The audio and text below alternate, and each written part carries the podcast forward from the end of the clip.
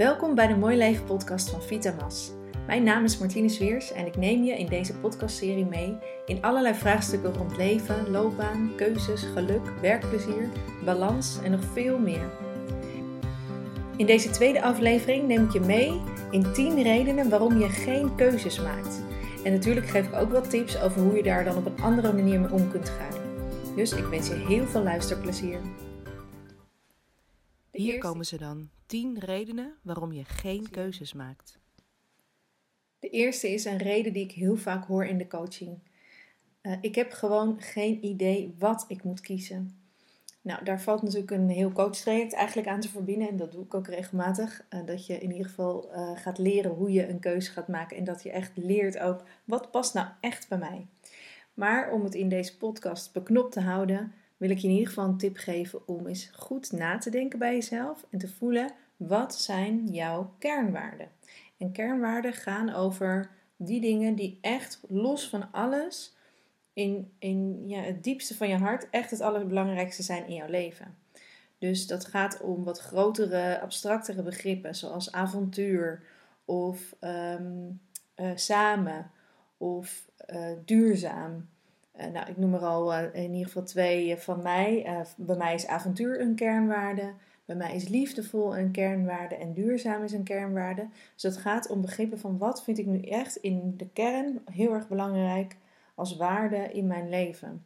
En dat is, die kernwaarden zijn eigenlijk als het ware een soort boodschappenlijstje voor hoe jij jouw leven wil invullen. Dus als je echt steeds vastloopt op het stukje ik heb gewoon geen idee wat ik moet kiezen, ga dan eerst als eerste stap eens bij jezelf na. Wat vind ik nou echt werkelijk heel erg belangrijk in mijn leven. Het kan bijvoorbeeld zijn dat je het merkt van hey, ik vind het eigenlijk heel erg belangrijk om bij mijn familie of bij mijn gezin te zijn. Uh, dan is misschien samen jouw woord of is um, nabijheid jouw woord. Iedereen heeft andere woorden voor andere situaties. Dus ga eens op zoek bij jezelf. Wat zijn nou jouw kernwaarden? En op basis daarvan kan je dan ook weer makkelijker keuzes gaan maken. Maar dat is eigenlijk stap 1. Dus als je geen idee hebt uh, wat, uh, wat je moet kiezen, kijk dan eens naar je kernwaarden. Dan nummer 2. Het is te eng om deze keuze te maken of om een keuze te maken. Nou, hier is het wel grappig, want weet je dat je eigenlijk nog steeds het systeem hebt, dus jouw lijf, jouw, jouw DNA, je systeem is eigenlijk nog steeds ongeveer hetzelfde als in de oertijd. En in die allereerste tijd dat mensen een beetje rechtop gingen lopen, was het nog steeds heel handig om niet buiten je comfortzone te komen. Want um, je moest veilig zijn. Je moest zorgen dat je wist waar je was, dat je overleefde. En jouw systeem is dus eigenlijk helemaal ingebouwd dat je alleen maar binnen het veilige, bekende blijft. Want hè, zolang je leeft, denkt je systeem, nou dat is mooi, dat hebben we goed gedaan, dus dat blijven we herhalen. Dus dat wat je altijd hebt gedaan, blijft je systeem graag hetzelfde houden. Alleen in onze wereld nu, hè, zeker waar wij wonen, is het leven eigenlijk best wel redelijk veilig. En uh, is onze comfortzone heel comfortabel. Maar is het soms ook wel heel fijn om eens een andere keuze te maken. En dat wil helemaal niet meteen betekenen dat je onveilig bent. Alleen je systeem gaat nog steeds wel in die stand. Dus als je iets eng vindt, bedenk dan: oh ja, dat is mijn noodrem, dat is mijn systeem. En die beschermt mij tegen nieuwe keuzes en tegen onbekende dingen die misschien gevaarlijk zijn. Maar weet dan, angst is geen goede raadgever. Dus bedank je systeem voor de bescherming. Maar laat hem alsjeblieft niet aan het stuur zitten van jouw keuzes. Want dan kom je nooit in beweging. Dus angst is echt geen goede raadgever. Dus hou dat in gedachten. Um, en oh ja, dat is ook nog wel leuk om te vertellen misschien. Ik, heb, uh, ik vond het boek um, Playing Big van Tara Moore vond ik heel interessant. Zij bespreekt allerlei dingen en dat is met name op vrouwen ook gericht. En uh, ze bespreekt allerlei dingen waarom vrouwen met name uh, de neiging, of mensen in het algemeen, maar met name vrouwen de neiging hebben om klein te blijven, om zichzelf klein te houden. En een van die dingen is dat zij dus vertelt over je inner critic, dus je innerlijke criticus. En wat zo interessant is, is dat zij zegt van je kan het ook, geef het het poppetje maar een naam. En uh, ik, noem, ik noem mijn inner critic, noem ik Truus. En ik zeg Truus, nou ga jij maar even op de achterbank zitten van de auto en ik zit weer, zelf weer even aan het stuur. Dus ik zet Truus letterlijk op de achterbank. In gedachten natuurlijk. Hè. Dat is heel fijn om dat zo letterlijk uh, onderscheid te maken, want ik ben niet Truus. Truus is een stukje van wat in mijn hoofd af kan spelen. Dus dat vond ik een hele, heel mooi. Ik ben heel visueel ingesteld, dus dan helpt het heel erg om dat beeld erbij te hebben. Misschien heb je er ook wat aan. Dus hou vast, nummer twee, als iets te eng is, weet dan, angst is geen goede raadgever. Dan nummer drie. Er zijn zoveel keuzes. Hoe weet ik nou welke de juiste is? Nou, dat is echt een heel fijn luxe probleem wat mij betreft. Maar ik snap dat het ook heel erg lastig en uh, ja, dat het kan overspoelen.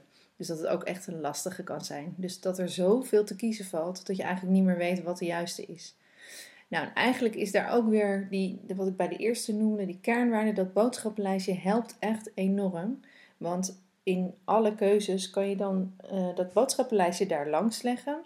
En dan zie je ook in ieder geval welke er in ieder geval afvallen. Sommige vallen helemaal niet binnen jouw kernwaarden, dus die kan je dan beter al opzij leggen als keuze. Ehm, maar ook heel erg belangrijk is ehm, dat het, als je een keuze, als je één keuze ehm, als eerste kiest, als je één ding als eerste kiest, hoeft dat echt niet te betekenen dat je niet ook het ander kan doen. Misschien kan je het allebei wel doen. Alleen misschien niet allebei tegelijk. En misschien ook wel. Dus um, soms voelt het alsof je als je een keuze hebt, voelt het met name dat je dan iets anders niet gaat doen. Maar ten eerste hoeft het helemaal niet per se zo te zijn. En ten tweede is het misschien prima als je niet alles doet. Dus kijk eens bij jezelf van welke belemmerende overtuiging, welke gedachte zit er naar achter. Als je steeds maar vastloopt en niet in beweging komt omdat je denkt, ja maar er is zoveel, hoe weet ik nou wat het juiste is? Probeer gewoon iets en um, het, ja, het, als je één keuze maakt, dat hoeft niet te betekenen dat je een andere keuze niet ook kan maken. Dus uh, zorg dat, dat, uh, dat je dat misschien in gedachten kan omgaan draaien naar um, wat een luxe dat ik zelf een keuze heb, heb. Maar dat is misschien een stap te ver als je echt denkt, oh ik zie een weerwar aan keuzes. Dus begin dan met name en met die kernwaarden. En besef dat je dus ook soms meerdere dingen kan doen of dat je gewoon eerst het een en daarna misschien weer iets anders gaat doen.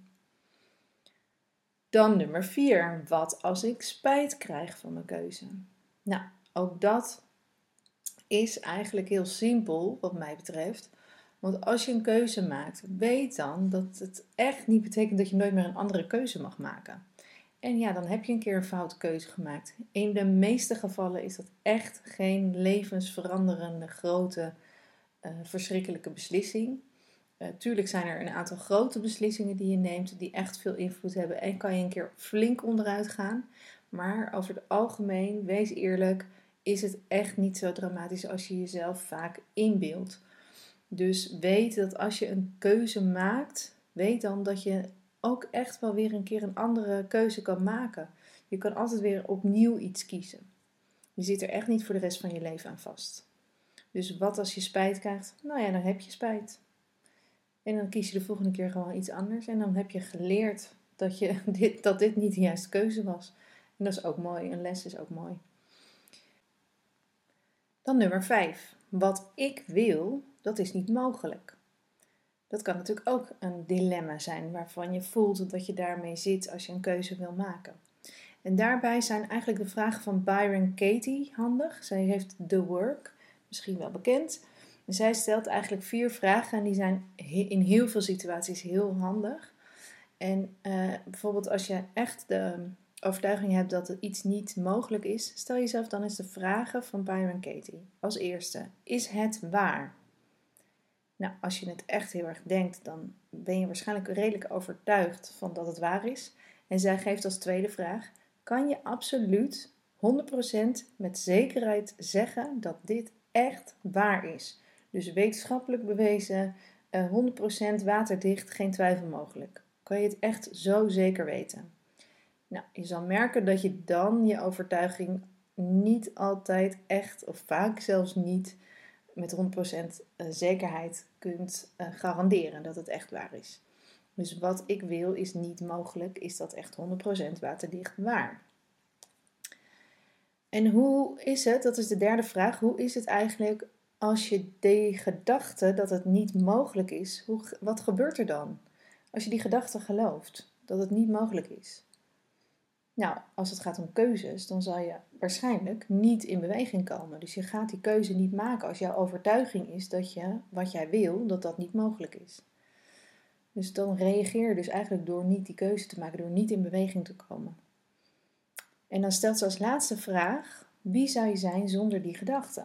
Dus als je die overtuiging niet had dat wat jij wil niet mogelijk is, wie zou je dan zijn? Wat zou je dan doen? Nou, hoogstwaarschijnlijk zou je dan toch in beweging komen. Of in ieder geval een stukje uh, van datgene wat je graag wil, uh, toch realiseren. Of misschien helemaal wel ervoor gaan. Dus stel jezelf die vragen. Dus nog een keer: is het waar? Is het absoluut 100% waterdicht zeker weten waar? Hoe, zou je of hoe reageer je als je die gedachte, dat, het, dat je onmogelijk die keuze kunt maken, hoe reageer je uh, als je dat gelooft? En de laatste, wie en wat zou je doen, wie zou je zijn zonder dat je die gedachte hebt? Dus de vier vragen van Byron Katie. Super handig als je echt de overtuiging hebt dat dat wat jij wil niet mogelijk is. En je zal echt wel merken dat er veel meer mogelijk is dan dat je denkt. En dat alle obstakels die je hebt bedacht, dat die misschien wel uh, te overkomen, uh, dat daar wel overheen te komen valt.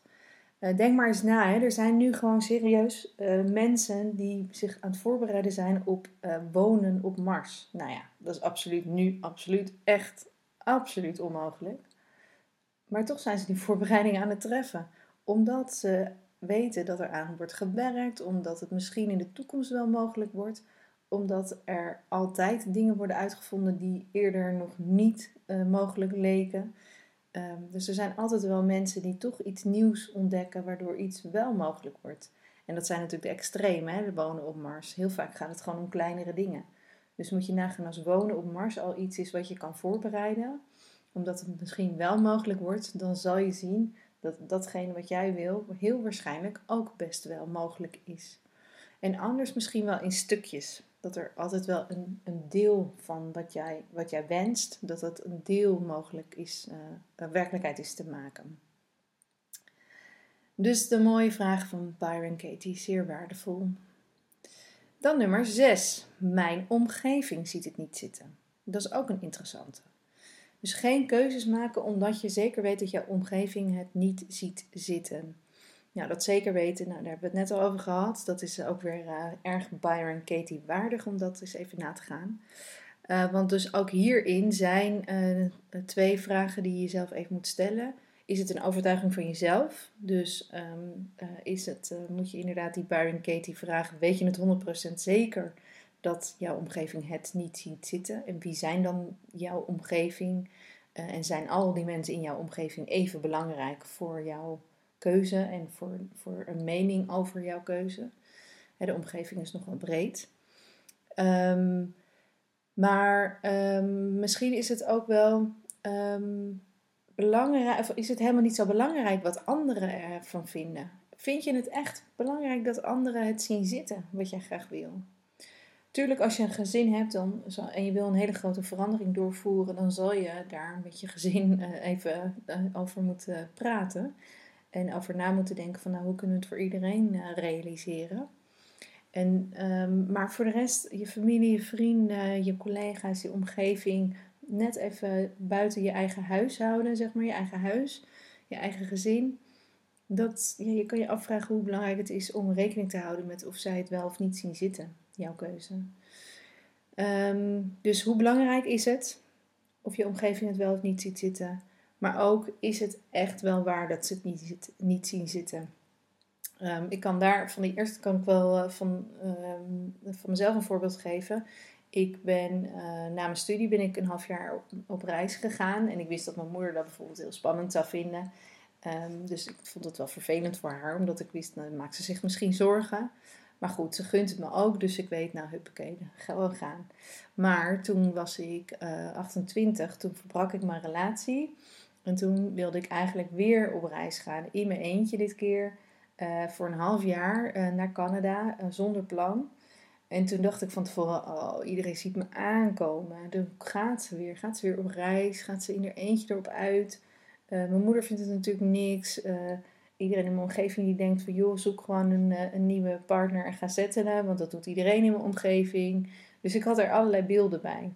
En, um, ik, nou ja, eigenlijk de enige reactie die ik heb gekregen was van iedereen: Oh, wat gaaf, dat had ik ook wel willen doen. Of Oh, wat gaaf, moet je zeker doen. Fantastisch, goede keuze. Dus ik heb alleen maar positieve reacties gehad. Terwijl ik van tevoren echt een beetje bang was. Of nou ja, bang, maar ik, dacht van: Oh god, ja, hoe moet ik dat nou weer tegen iedereen gaan zeggen? Dat ik dit van plan ben. Want dat zullen ze wel raar vinden, of stom, of niet zo handig, of wat dan ook. Dus ik had daar een hele eigen overtuiging bij, die helemaal niet klopte. Dus, uh, dus check het bij jezelf. Als je denkt, mijn omgeving ziet het niet zitten. Check, is het echt waar? Vinden ze het echt een, een, raar idee? En ten tweede, hoe belangrijk is het wat je omgeving ervan vindt? Misschien is het helemaal niet zo heel erg belangrijk.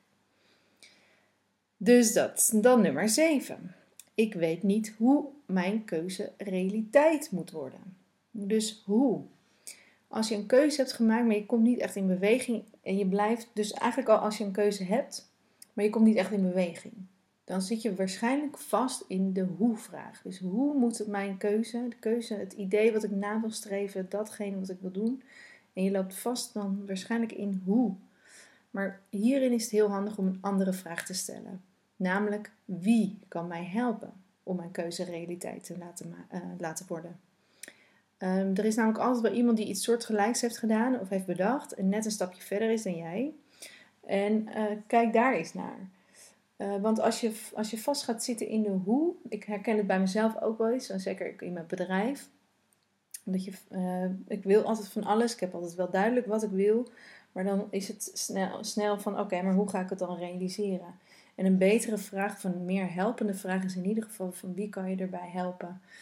Um, omdat er dus altijd wel iemand is die wat verder is. Dus kijk eens naar hoe zij dat doen. Lees boeken, kijk eens video. Er is op YouTube zo enorm veel te vinden. Websites uh, over het onderwerp. Uh, vraag een coach erbij. Vraag een gesprek aan. Haal tips en trucs op. En pas die toe op datgene wat jij wil bereiken. Dus er is ontzettend zeker met, dat, met, het, ehm, met alle websites die er zijn. Alles wat er online allemaal te vinden is. Er is een enorme bron aan informatie. En uh, zeker ook aan een netwerk um, beschikbaar om uh, jou te helpen om uh, jouw keuze een realiteit te laten maken. Dus ehm, probeer niet te lang vast te zitten in hoe, maar kijk wie kan mij daarbij helpen.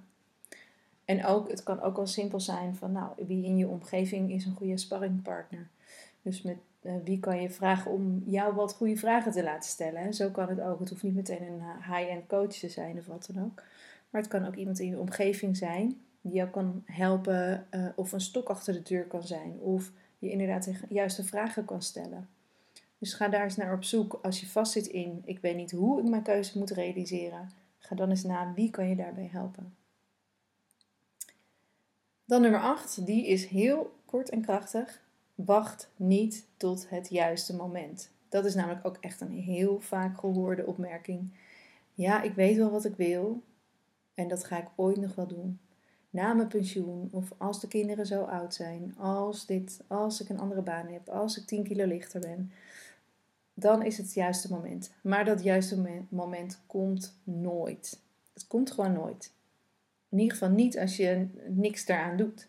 Je zult in beweging moeten komen. Je zult zelf dat juiste moment moeten creëren. En je moet er zelf um, een keuze in maken om ook echt te zeggen: Ik wil dat dit gerealiseerd gaat worden. Dan ga ik nu bepalen wat het juiste moment is en hoe ik daar naartoe ga werken. Dus wacht niet tot het juiste moment uh, automatisch maar aan je deur klopt, want dat gaat nooit gebeuren. Dan uh, nummer 9. De twee opties zijn eigenlijk net zo goed. Dus wat moet ik kiezen? Nou, gefeliciteerd als je dit probleem hebt, want je hebt een luxe probleem. Als je twee keuzes hebt die allebei kunnen, die allebei net zo leuk zijn, dan zijn er eigenlijk maar twee dingen die je kan doen. En dat is, doe ze gewoon lekker allebei. Waarom kiezen als het moet? En als de situatie zo is dat ze niet allebei kunnen, kijk dan, kunnen ze na elkaar. Dus misschien kunnen ze wel allebei, maar niet allebei tegelijk. Nou, kies er dan gewoon één en start met de één en doe daarna de ander. Ehm, maar ehm, als je niet kiest, gebeurt er sowieso niets. Dus um, nou, omarm het luxe probleem. Je hebt twee keuzes. Doe ze allebei. Ga niet kiezen als het niet nodig is. En als je wel moet kiezen, hoe ingewikkeld wil je het maken? Kies er gewoon één. Uh, gooi een, muntje omhoog en uh, kijk welke, welke kant die opvalt en welke keuze het wordt. Ehm, maar kies en ga alsjeblieft iets doen. Want als je maar blijft hangen in twee opties zijn eigenlijk net zo goed, dan gebeurt er ook niks. Dus succes en veel plezier. en dan nummer 10, de allerlaatste, is ook een interessante. Um, je bent 100% tevreden en je hoeft eigenlijk helemaal niks meer te kiezen. Nou, dat is mooi. Dan had je eigenlijk deze hele podcast niet hoeven luisteren. um, maar je hebt het toch gedaan, dus uh, uh, hartstikke goed. Je hebt het helemaal voor elkaar met je 100% tevredenheid. Maar check bij jezelf of, er, of het echt zo is. Of dat er misschien sprake is van stilstand. Als je deze podcast helemaal hebt afgeluisterd, dan denk ik dat je toch ergens een behoefte hebt aan een keuze maken maar je bent 100%, 100% tevreden. Nou, dat is natuurlijk super. Tevredenheid is heel fijn. Dat wil niet zeggen dat je nooit meer een keuze wil maken. Dus misschien kan je kijken van oké, wat is nou heel erg comfortabel en veilig in mijn leven? En vind ik dat ehm, belangrijker dan een nieuwe keuze maken? Of wil ik het echt inderdaad zo houden en is dat de keuze? Of is het toch echt tijd om nog eens even voorzichtig buiten die comfortzone rond te kijken? Om te kijken van nou, wat is er nog meer allemaal te doen? Ehm, en dat lijkt mij ehm, wel erg belangrijk.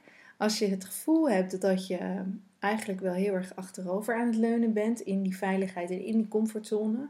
En je hebt eigenlijk geen idee of je iets anders wil of dat je daar iets in, nou ja, of je daar echt enige onrust in voelt.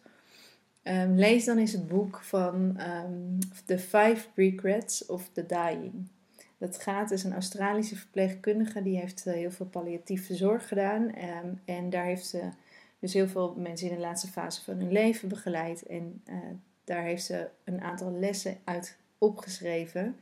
En dat zijn allerlei dingen die mensen dus heel erg aangaven van... Hey, had ik maar puntje, puntje, puntje, puntje, puntje gedaan.